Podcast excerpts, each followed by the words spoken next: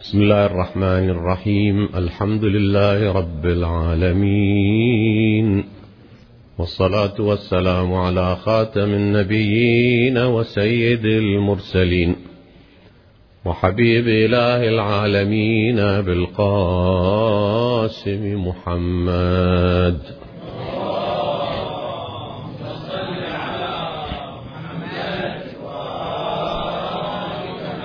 وعلى آل بيته الطيبين الطاهرين الهداة المهديين الذين أذهب الله عنهم الرجس وطهرهم تطهيرا صلى الله عليك يا سيدي يا مولاي يا أبا عبد الله. صلى الله عليك وعلى أهل بيتك الميامين. يا ليتنا كنا معكم سيدي ونفوز فوزا عظيما. أيا ابن الهدى أيا ابن الهدى عجل إلينا فإننا سقينا الردى من جور أعدائكم. جهرا أغثنا رعاك الله إنك لم تزل. غياثا لنا يا خير من وسع يا خير من وطأ الغبرا فنقسم بالهادي عليك وصنوي وسبطيه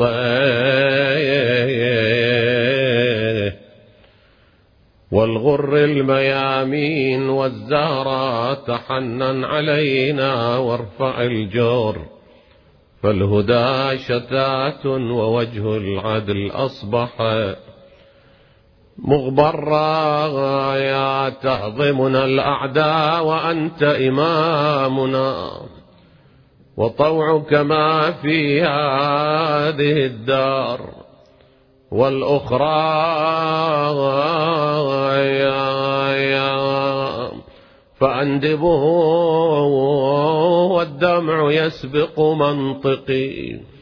يا ابن الهداة الغر من قد سمو قد رايا أما آن لي أخذي بثار الذي قضى شهيدا. شهيدا ومنه القوم قد هشموا. يا يا يا يا الصدر. عفيرة أين على البوغاء ضامن ولم ينل. سوى آدمي غسلين وقلب الهدى يا يا يا يا.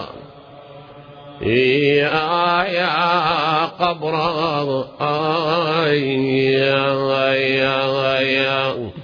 فجثمانه فوق الصعيد ورأسه على الرمح في أنوار يخجل.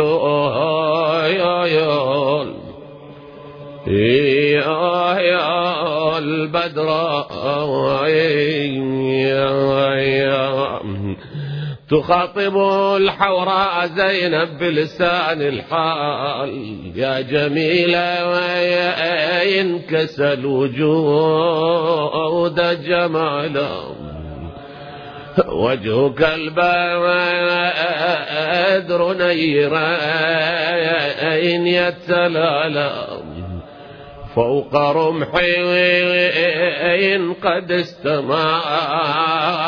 استمال وملم آه يا هلال لما استتم كمالم غلوا خايا يسفو فأبدى يا يا غروبا آه يا يا شايل رأس حامينا ولينا ولينا دريض خليت ودع اسكين يبلي إيش حسين عاين يا ونين قل لي تعب يا جرحة خداير. يا شايل راس اخويا لا تلوحم وابط عن بقايا الرؤيا. يا يا اسرم أخاف يفوت ريح الهوى بجرحه إي وصواب علي يقول يا يا. يوم يصعد لا حول ولا قوة إلا بالله العلي العظيم إنا لله وإنا إليه راجعون والعاقبة للمتقين. قال سيدنا ونبينا رسول الله صلى الله عليه وآله وسلم.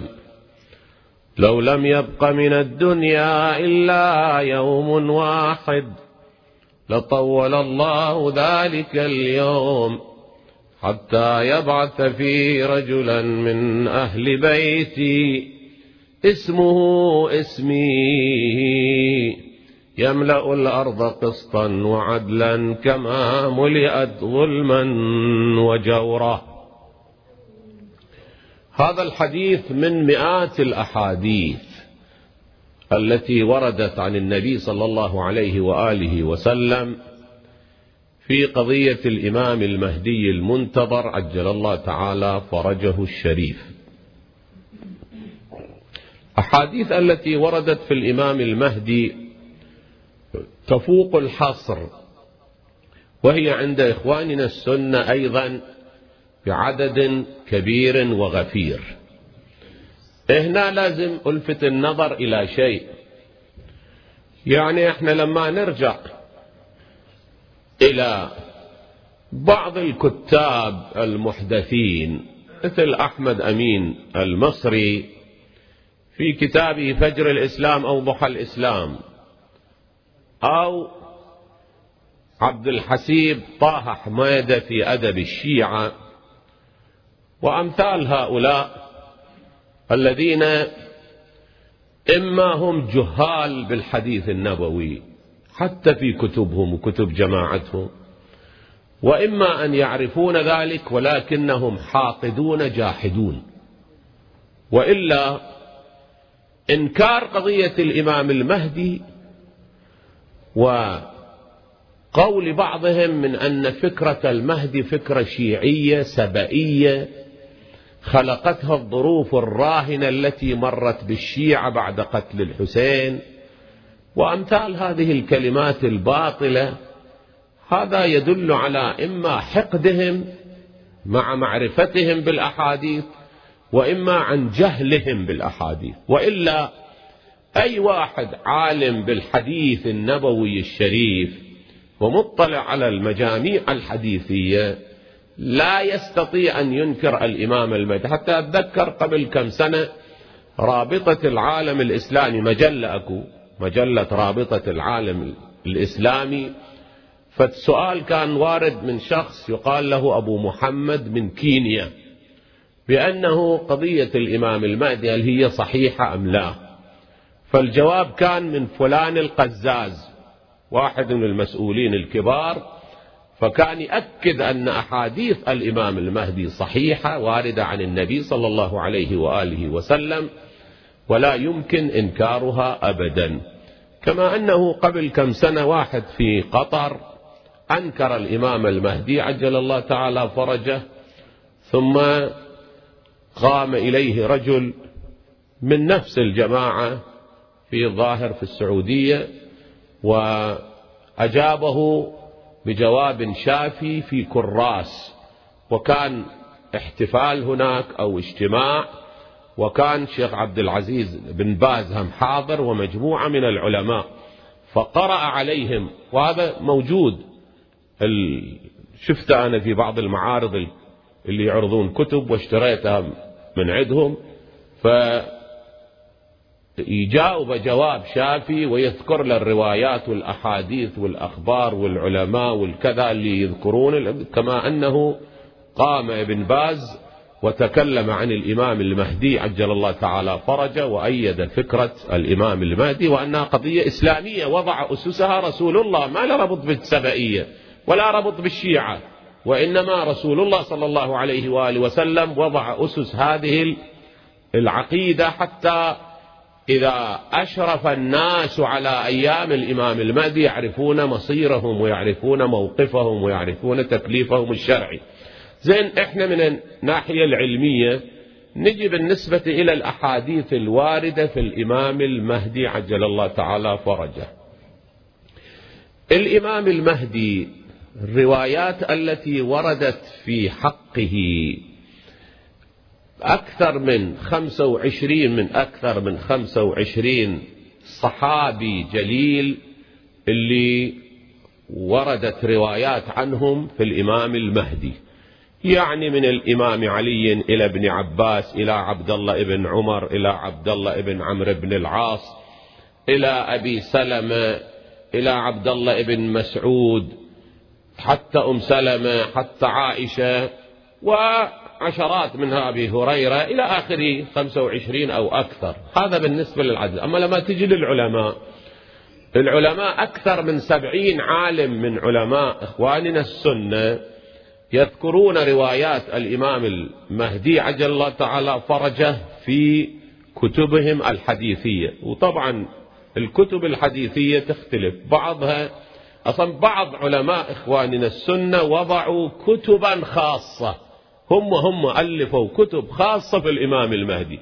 بعضهم ألف واحد بعضهم ألف كتابين بعضهم ألف, ثلاث كتب وكلهم يقرون ويعترفون بالأحاديث التي وردت في الإمام المهدي. عجل الله تعالى فرجا أنا أذكر بعض الأسماء الكتب والمؤلفين حتى نكون كلامنا مضبوط أكثر فأكثر. مثلا لما نجي إلى إخواننا السنة أبو نعيم الإصفهاني من كبار علماء إخواننا السنة إلى ثلاث كتب. مناقب المهدي. نعت المهدي كتاب الأربعين حديث في المهدي. جلال الدين السيوطي له العرف, الور العرف الوردي في أخبار المهدي وعلامات المهدي. كتابان يعني. ثلاثة حماد أو عباد بن يعقوب الرواجني له أخبار المهدي. رابعا ابن حجر العسقلاني عند القول المختصر في علامات المهدي المنتظر. خمسة ملا علي المتقي صاحب كنز العمال. أبا كتاب محترم دوم عند البرهان في علامات مهدي آخر الزمان. ستة محمد بن يوسف الجنجي الشافعي. له البيان في أخبار صاحب الزمان. زين؟ وأمثال هؤلاء كثرة بالنسبة إلى الكتب الحديثية. أي كتاب في الحديث؟ إذا ما مخلي ما كاتب كتاب خاص في الإمام المهدي لابد يو باب يو فصل يو أمثال ذلك مجموعة روايات يجيبها عن النبي في الإمام المهدي عجل الله تعالى فرجه بعضهم هم ذاكرين شعر من علمائهم باللغة العربية باللغة الفارسية لغات مختلفة. علماء الإسلام كلهم يقرون ويعترفون بعقيدة وفكرة الإمام المهدي عجل الله تعالى فرجه. زين نجي إحنا بالنسبة إلى أحاديث الإمام المهدي الأحد بصورة عامة التي وردت. كيف نتعامل معها؟ أرجو التوجه من تقرون كتاب من تطالعون كتاب حتى تقدرون تميزون بين الغث والسمين والشبهة لا تصير وشك وإشكالية واضطراب فكري لا يصير عندكم. الأحاديث الواردة في الإمام المهدي ممكن تصنيفها إلى ثلاثة أصناف.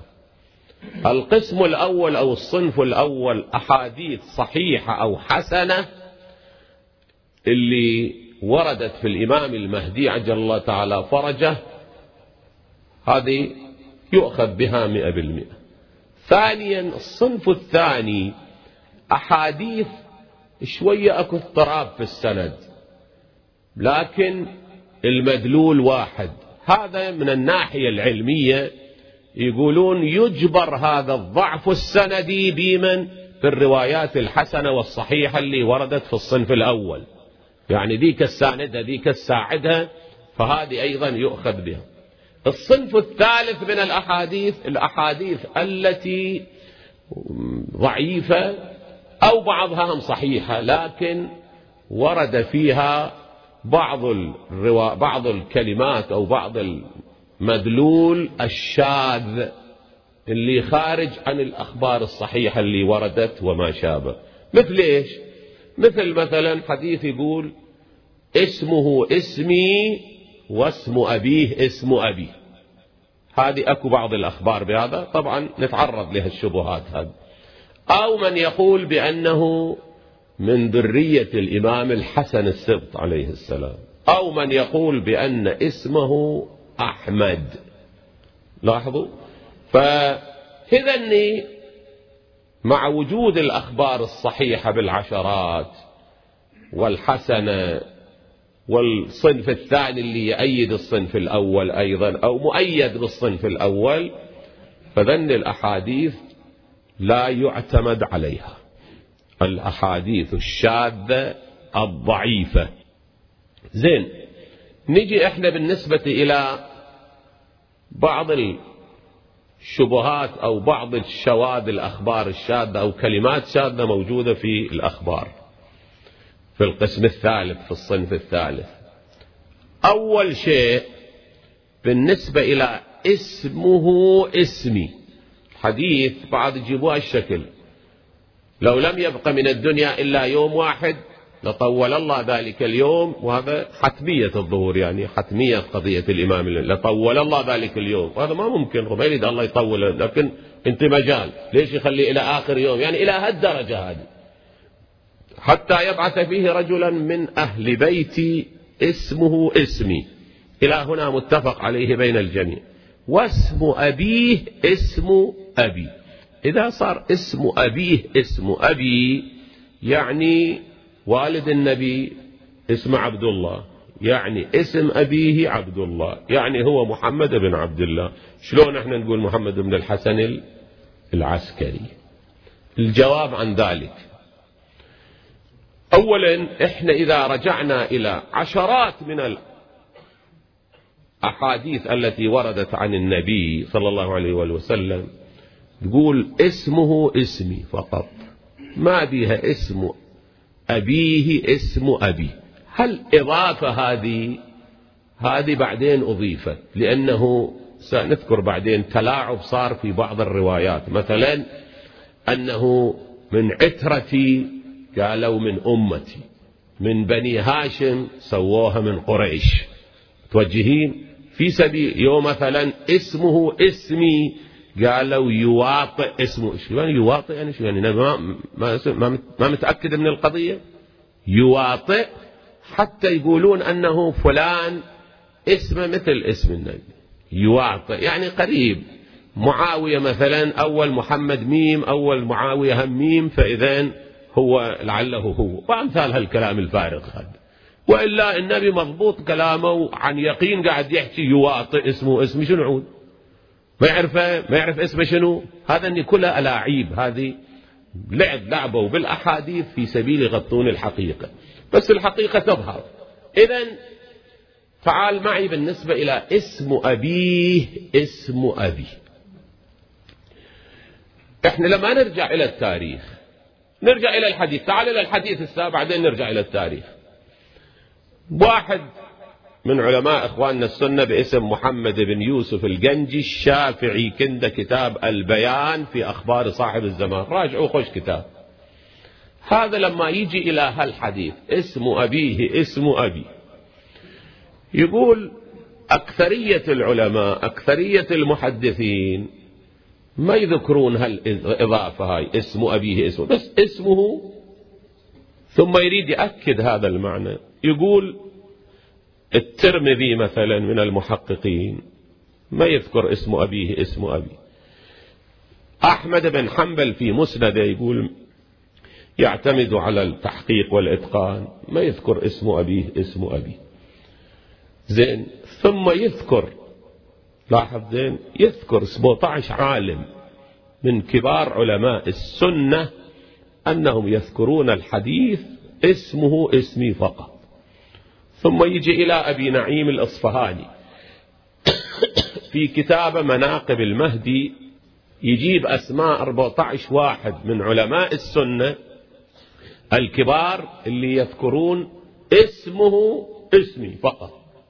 يعني ذول إيش قد صاروا 31 واحد 17 منا و14 مننا يعني 31 عالم من كبار علمائهم يأكدون على أنه اسمه اسمي فقط. أكو رواية شاذة يذكرها أبو داود كما يذكر روايات أخرى بعض وهي غير مضبوطة يعني لا تستند شيء. أنه اسم أبي اسم أبي. لما يذكر هذا محمد بن يوسف الجنجي الشافعي وغيره من المحققين أما نرجع إلى الأصل.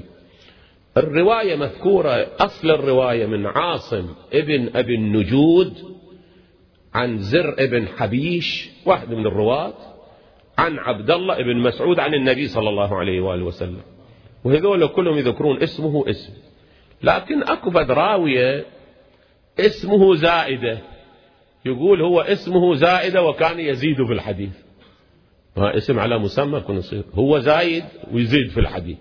هذا هو اللي جاب واسم أبيه اسم أبيه خلال ذيل. وإلا كل اللي روى عن عاصم ابن أبي النجود اسمه اسمي فقط. بس هذا خلاله ماله شوية لطبعا غرض في قلبه هذا من الناحية الحديثية والتحقيقية. تعال بالنسبة إلى التاريخ.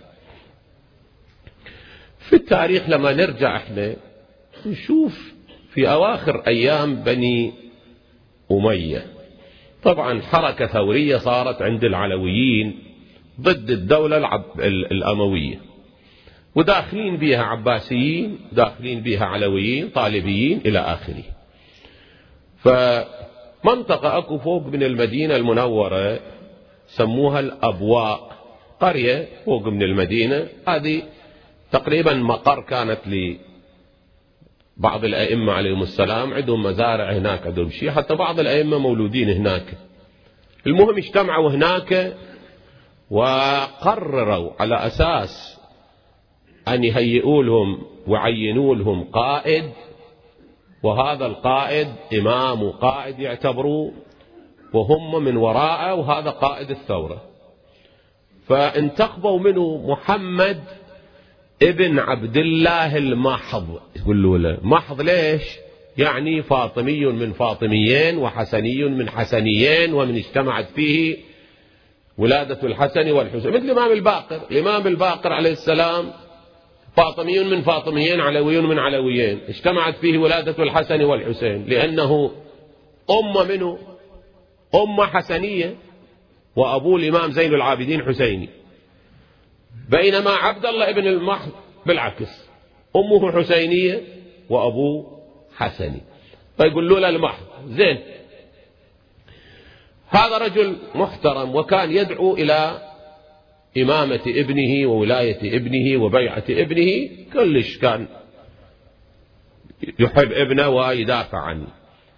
فالجماعة العباسيون وغيرهم ذولا بايعوا محمد يسموه محمد النفس الزكية. بعضهم يسووا له شوية ذي النفس الزكية لكن هي في الأصل النفس الزكية نفسه زكية.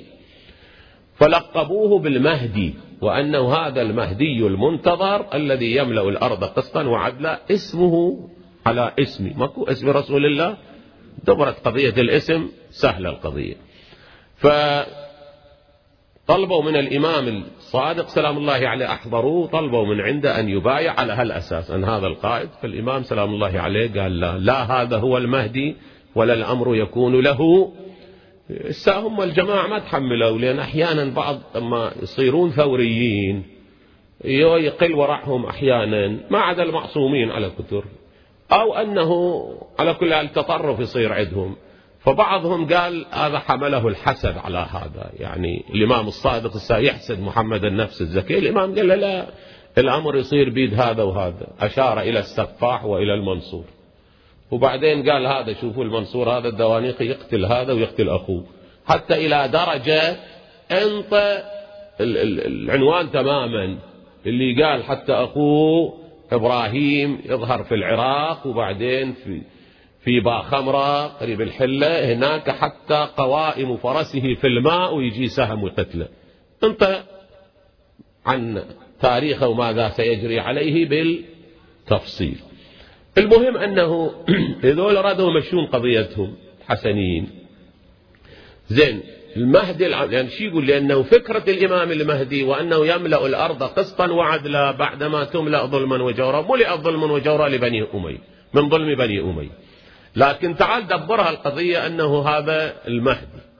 زين شلون رتبه؟ اسمه اسمي سهلة قضية اسمه محمد فشي يقولون بالنسبة إلى اسم أبيه شنو؟ يعني الروايات اللي عندنا روايات تقول على أنه الإمام الثاني عشر من أئمة أهل البيت والده الإمام الحسن العسكري وإلى آخره. تعرف ذاك اليوم مو مثل اليوم. كتب عشرات موجودة ومضبوطة وراجع هذا الكتاب والناس ما شاء الله أغلبهم ما عندهم تحقيق ولا عندهم اطلاع ولا عندهم علم هكذا وإنما أفراد كانوا ذاك اللي يحصل له كتاب ويعرف هذا في حديث وما في حديث ومثل الآن كتب تطبع بالآلاف ومتناول يد الناس. فكثير من الناس سامعين المهدي وسامعين يملأ الأرض قسطا وعدلا وسامعين اسمه محمد ما متأكدين هكذا يعني ما يعرفون الحقيقة إلا الأفراد القلائل. فذولا دبروا هذه أنه اسم أبيه اسم أبي. لأن أبوه اسمه؟ عبد الله الماحط فدبرت القضية. اسمه محمد أبوهم عبد الله والحمد لله. فإذا تلائموا الجماعة فإذا هذا هو المهدي المنتظر. فنشروا عند الناس على أن هذا هو المهدي المنتظر. تشوفون أنتم بعد ما اصطدام صار بين المأمو بين بين المنصور العباسي وبين حركة محمد النفس الزكية. قبل أهم منصور الدوانيقي شيطان. منصور الدوانيقي راد يحاربه بنفس السلاح اللي هم حاربوا فابن الأول في اسمه جعفر ويقولوا له أبو جعفر المنصور. فابن الأول فلت من التاريخ من القضية. فإجا الابن الثاني سماه محمد ولقبه بالمهدي. محمد المهدي ثالث خلفاء بني العباس. فسماه محمد ولقبه بالمهدي. وقام يعلن عند الناس على أن هذا المهدي المنتظر هذا هذا المهدي محمد. ثم اسمه اسمي واسم أبي اسم أبي. عبد الله عبد الله. أو منصور اسمه عبد الله. فهاي دبرت القضية وليش زين صارت؟ فكان بينما هو بصورة خاصة كان البعض يجتمعون بيقول كذبون لا ذاك المهدي ولا هذا. كلها كذب. لكن كذب في كذب. واحد اصطدم مع الكذب في كذب. على كل حال هذول حتى أنه خلوا بعض. خلوا بعض عملائهم جابوا بعض الروايات في أنه لا النبي قال إنه من بني العباس من أبناء عمي العباس من ذرية عمي العباس. وهذه الفابريقة أو ما أدري المعمل مال وضع الأحاديث الباطلة. سهل القضية ذاك اليوم. زين. خلصت هذه. فإذا محمد ابن عبد الله. قالوا اسم أبيه اسم أبي. هنا هم للعلم. تشوفون أنتم بعض الذي مناهضين لل... لأهل البيت ولمدرسة أهل البيت. استفادوا من هالروايات هذه ومن هالحركة هذه. فقاموا يأكدون عليها محمد بن عبد الله. وصلت القضية بهم إلى درجة سنة 1400 هجرية. 1400 هجرية. أول القرن هذا القرن الخامس عشر الهجري مو الميلادي فصارت حركة على بعض يتذكرون صارت حركة في مكة وقد واحد يسموه محمد بن عبد الله العتيبي. استحل الحرم كم يوم كان هناك و أخو زوجته إبراهيم جهيمان هذا هو قائد العمليات العسكرية وكان يدعو إلى نسيب إلى صهره وأن هذا هو المهدي المنتظر وإلى آخره. لكن مع الأسف جابوا لهم قوات فرنسية وجابوا لهم قوات كذا والمهدي مسكين. لا نشر العدل في العالم وما قدر حافظ على روحه وراح سبعة ماي. هيك راح. خلاف مدة طلع لنا مهدي ثاني وهو محمد ابن مهدي من منطقة بريدة يسموها. هذا جابوه إلى ابن باز. طبعا ابن باز ما كان يبصر. فسأل عن بعض أوصافه. فلما سأل قال له إيه هذه الأوصاف تنطبق عليك؟ أوصاف المهدي تنطبق عليك. إيه على كل حال إن شاء الله موفق. بعدين شو ما أعرف اختفت راح لأفغانستان راح للشيشان. يظهر أنه راح لهناك. ليش؟ لأنه أكو بعض روايات عندنا على أنه يبدأ أمر الإمام المهدي من المشرق. المشرق الإسلامي يعني خراسان وأفغانستان وذنيك المناطق وشيشان. فيظهر يدبرها حتى مية بالمية يصير هو من بينما هاي الروايات اللي تقول يعني مقدمات الإمام المهدي. والإمام المهدي الروايات الصحيحة اللي عندنا يظهر في مكة ويبايع بين الركن والمقام وبعدين يجتمع شيعته عليه عشرة آلاف غير 13 313 دول القادة. دول الكبار دول العظماء. وإلا لا يخرج من مكة إلا معه عشرة آلاف مقاتل. يجتمعون الله يجمعهم من ها هنا وها هنا ويجي يزحف إلى العراق وإلى آخره. فما عندنا أن الإمام المهدي يطلع من خراسان ويطلع ما أدري وين كذا زين. فهذول هم غامضة هاي مع قضية هذا من بريدة أنه وين صار إيش راح يصير؟ قتل موجود بعد شيشان ميشان شنو؟ ما أدري على كل حال. المهم أنه هذا بالنسبة إلى الاسم. زين. والشبهة الثانية أو الإشكال الثاني أنه من أولاد الإمام الحسن. من ذرية الإمام الحسن. السائحة بالنسبة إلى الخط القديم. ترى ما كان بنقاط يعني الخط الكوفي ما بنقاط حسن وحسين فلس شيء تقريبا ينكتبا لكن عشرات الأحاديث عندنا منا عشرات الأحاديث عندنا على أن الأئمة من ذرية الإمام الحسين سلام الله عليه هذا إمام أخو إمام ابن إمام أبو أئمة تسعة الله تعالى جعل الإمام في ذريتي. عشرات الأحاديث موجودة عند عند السنة وعند الشيعة بالنسبة إلى أن الإمام المهدي من ذرية الإمام الحسن. ثم روايات اللي رواية جابر اللي يذكر بها الأئمة واحد بعد الثاني إلى أن يوصل الإمام الحسن العسكري. ومن الإمام الحسن العسكري يذكر الإمام المهدي عجل الله تعالى فرجه. فإذا الإمام من ذرية الإمام الحسين. الجماعة رادوا يعني وإن كان هم علماء إخواننا السنة أيضا يأكدون ضعف بعض الروايات اللي واردة اللي تقول من ذرية الإمام الحسن. لكن بعض الذي يريد يشلب له بسباحة ماكو.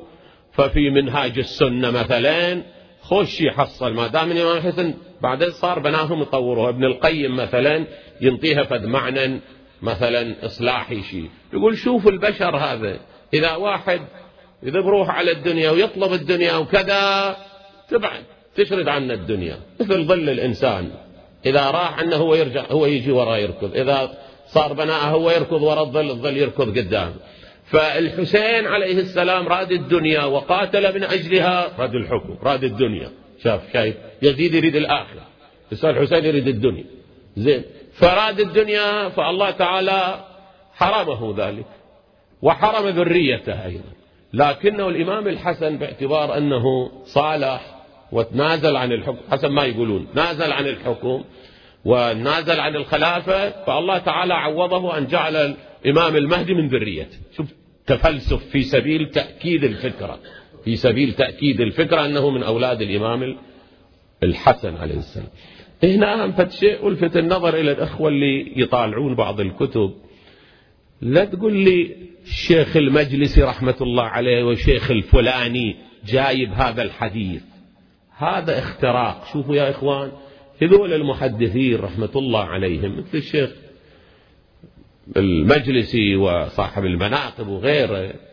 هذول زمانهم زمان قصيب كانوا يحاولون يجمعون الأحاديث. يقول لك نحتفظ بها بعدين أنت تعال حقق. شوف هذا الحديث صحيح أخذ به مو صحيح وخره. لأنه أرادوا يجمعون هذه الأحاديث. وإلا قسم من الأحاديث اللي موجودة مع احترامنا للشيخ المجلسي رضوان الله عليه وخدماته الجليلة بحار هذا واقعا بحار لكن بحار. بحار كل شيء به سمك يؤكل وبه حيوان لا يؤكل وهذا ما الشكل. أحاديث روايات صحيحة وروايات ضعيفة وروايات غير سليمة. فشوف أحيانا يتعبون أنفسهم على شيء. ابنه اسمه اسمي واسم أبيه على اسم أبي. هسا تعال سوي له تصحيح لهذا يعني شنو اسم أبيه يعني شنو بالسماوات كانوا يسموه حسن. هاي مشكلة. بعدين يجي لا اسم أبي اسم ابني. شنو عود اسم ابني؟ يعني اسم الحسن. مو حسن ابنه اسم. هل لغوة اليابسة هاي شنو؟ الحديث خطأ والحديث باطل. ذبه خلي يروح لا تظل تعاني انت ترايح منا وجاي منا. أنا في سبيل أن تسوي له وجه شرعي وتسوي له وجه حديثي وجه تصحيح. زين إذا هذه حركة كانت عند الجماعة. وأما بالنسبة إلى الشبهة الثالثة أنه اسمه أحمد ما كان ربما رواية روايته ولا كل عشرات الروايات اللي تقول أنه اسمه اسمي يعني اسمه على اسم المصطفى محمد صلى الله عليه وسلم.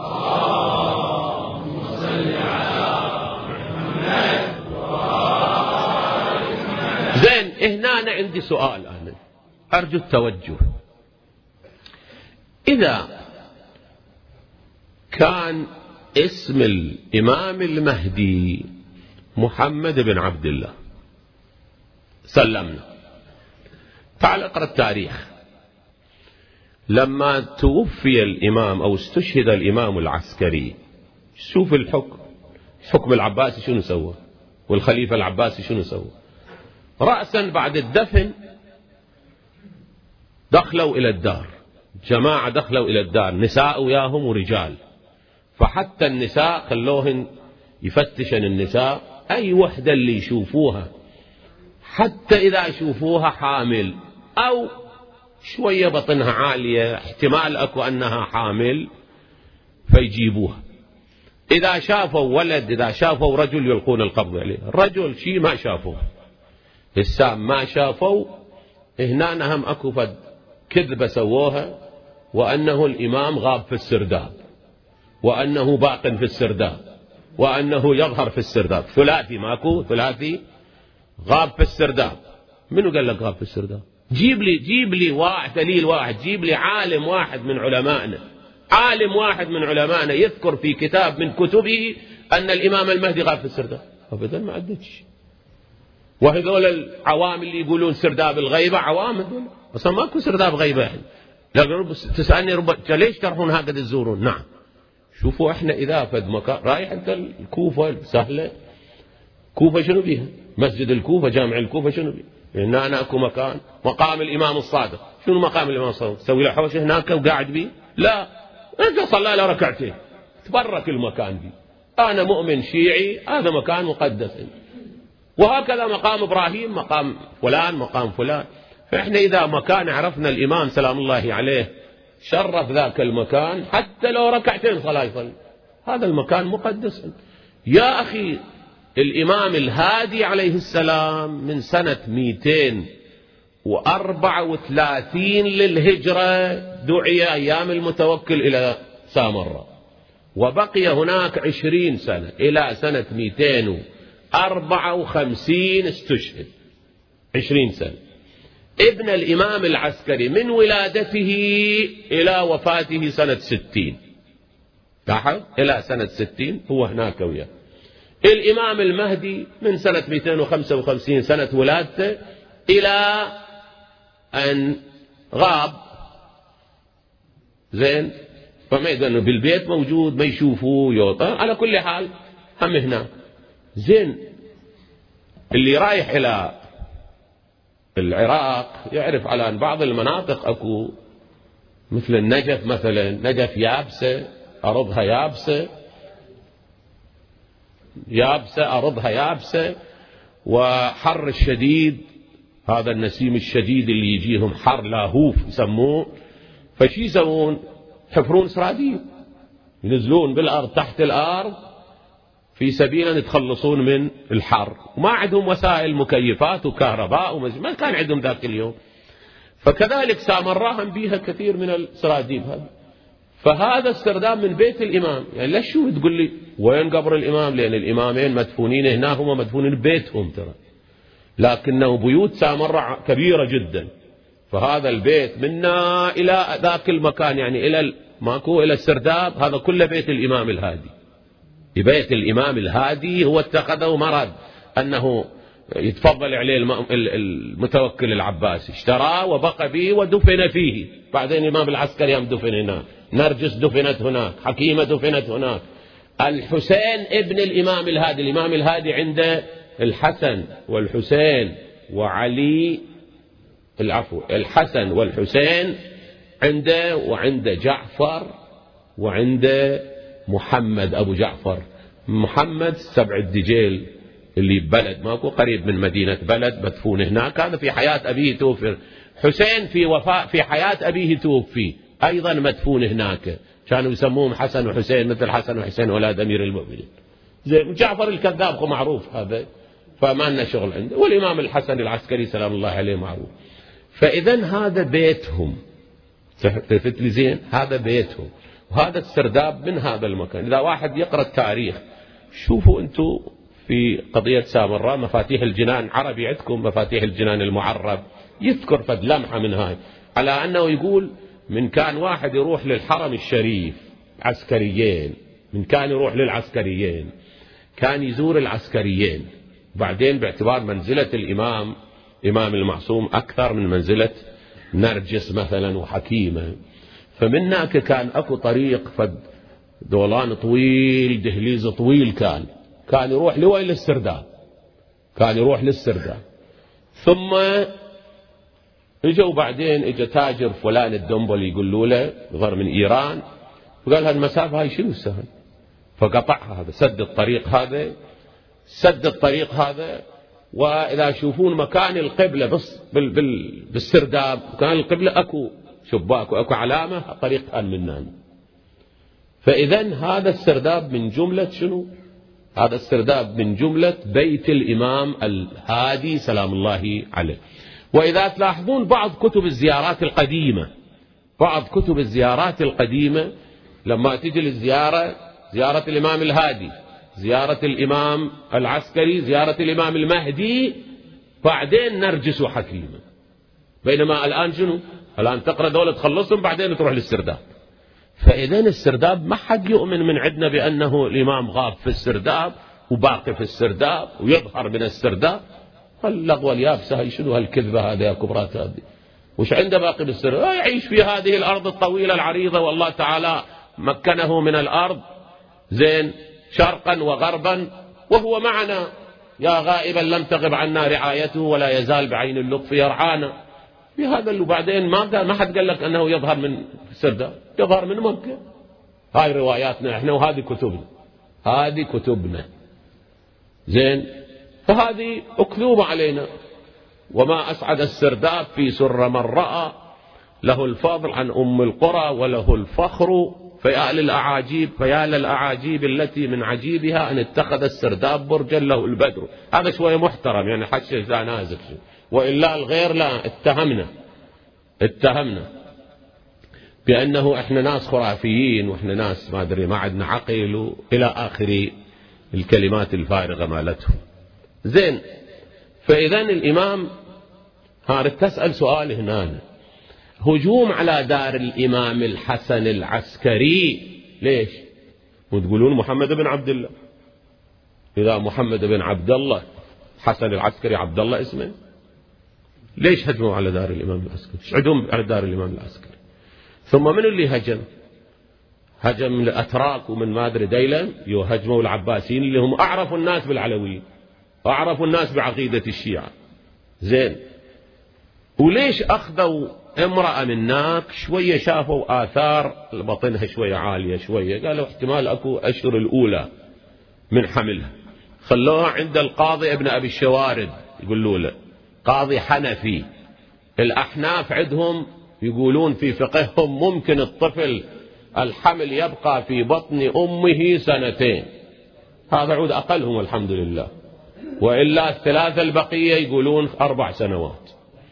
أما تجي إلى الغير بعض يقول خمسة وستة وإن شاء الله يدرس دراسته الابتدائية وبعدين يطلع.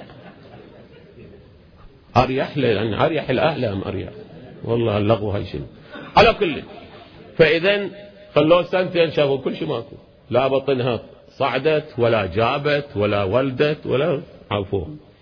زين كم مرة أيام المعتضد العباسي اقرأ تاريخ ابن كثير وغيره أيام, المعتضد العباسي. معتضد العباسي حكم من سنة 279 إلى سنة 289 عشر سنوات.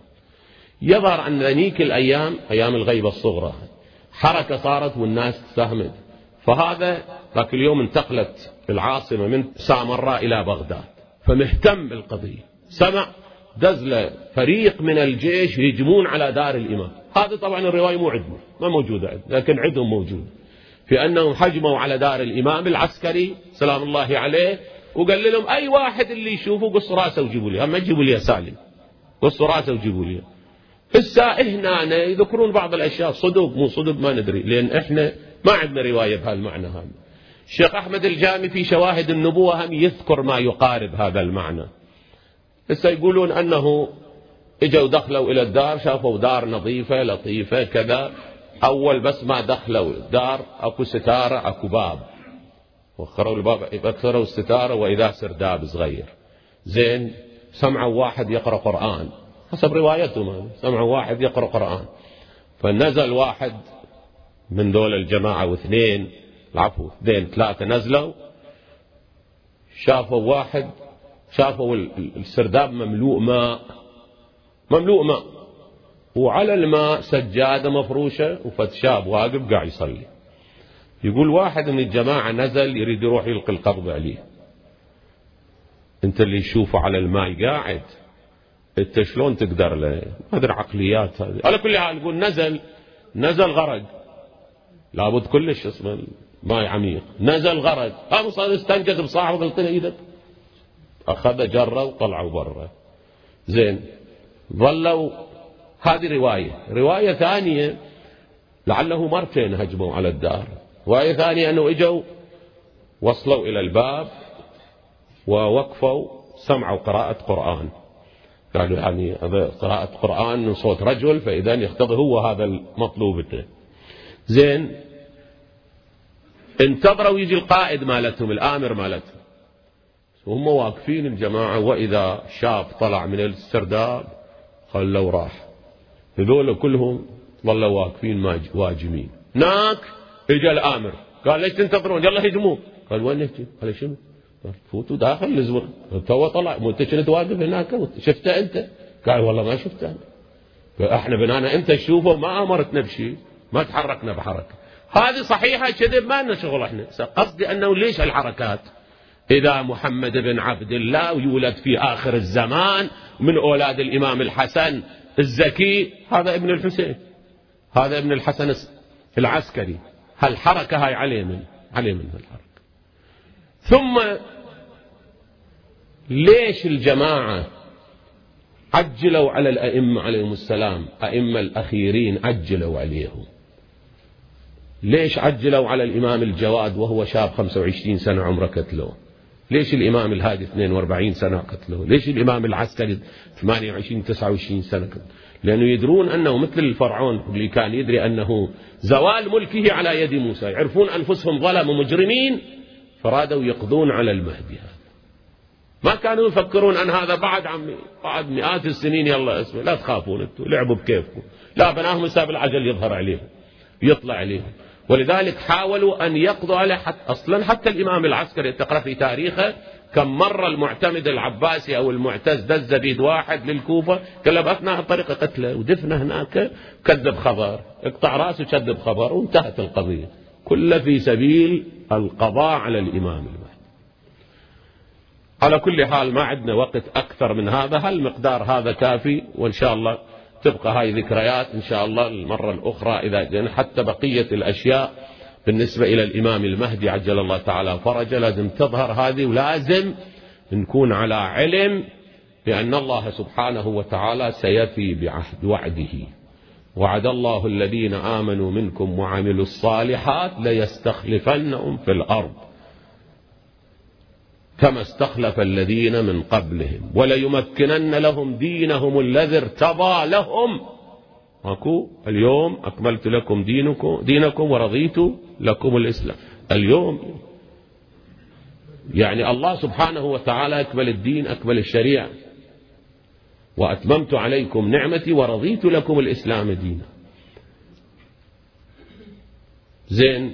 ويمكن لهم في الأرض. كل هذا الوعد الإلهي يقول ما يتحقق إلا مع ظهور الإمام المهدي المنتظر. لكن قلوبنا معك يا سيدي. سيد حيدر الحلي رحمة الله عليه لأنه إحنا عندنا شعار الإمام المهدي وشعار أصحابه شنو؟ يا لثارات الحسين. أين الطالب بذحول الأنبياء وأولاد الأنبياء؟ أين الطالب بدم القتيل بكربلاء مات التصبر في انتظارك؟ أيها المحيي الشريعة فنض فما أبقى التحمل غير أحشاء.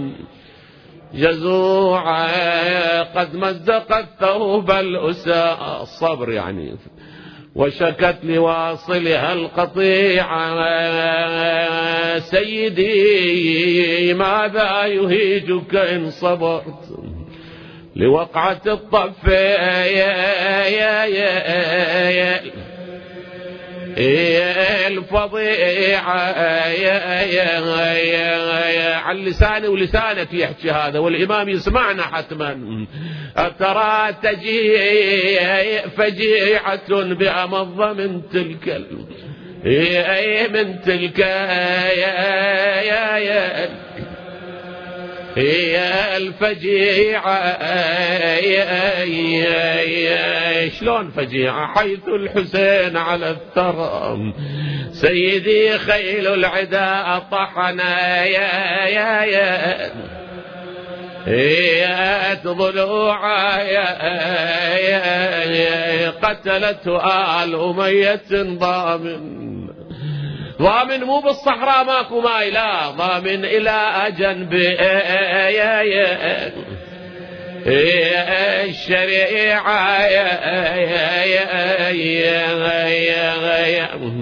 قضية عطش الحسين. جعلت في جرحا في قلوب الأئمة وقلوب شيعتهم. هو الإمام يخاطبنا يذكرنا هذا شيعتي مهما شربت يوم عذب ماء فاذكروا. فدتك شيعتك أبا عبد الله أو سمعتم بغريب. أو شيء فاندبوا فأنا السبط الذي من غير جرم قتلوا. وبجرد الخيل بعد القتل عبدا انسحقوا ما ذكر الإمام زين العابدين أبا إلا بكى ما وقع بصره على الماء إلا بكى. نظر إلى شاطئ الفرات مرة قال إلى الآن تجري يا فرات. وأبي الحسين قتل عنك ضامئا شط الفرات الشان عذرك. إي شط الفرات الشايان يا عذرك. يا ويلي يموت الصبط ضامي بكترك. آه يا, يا, رشوا على قبره ما ينفصاحبه. معطش قد قضى ضامن على النهر. آه بالله ردنشدك ما شربت يا دفاغ بخيت قلبي يا دفايا انت حسين حط آه بالله يا دفان نشديك رد علي. عطشان خيل اشرب قطرة أمي. وحين الدفنت كان بخيت البني. كان ترد روحه تراه وما له غيان. قضى عطشا سبط النبي بكربلاء لا لعنة الله على القوم الظالمين. وسيعلم الذين ظلموا أي منقلب ينقلبون والعاقبة للمتقين. نسألك اللهم وندعوك باسمك العظيم الأعظم الأعز الأجل الأكرم. يا الله يا من توسل به آدم ونوح وباقي الأنبياء والأولياء والصالحين. فاستجبت لهم. اللهم استجب لنا بحق محمد وآله الطاهرين. من على مرضانا جميعا بالشفاء والعافية. أد ديون المديونين اقض حوائج المحتاجين اكف مهمات السائلين. احفظ علماءنا الربانيين. أهلك من أراد السوء بشريعة سيد المرسلين. يهدى ثواب هذا المجلس إلى روح المرحومة. الحاج عايش الشويق وحسن مرهون وإلى أرواح المؤمنين والمؤمنات. نودي ثواب الفاتحة مع الصلوات.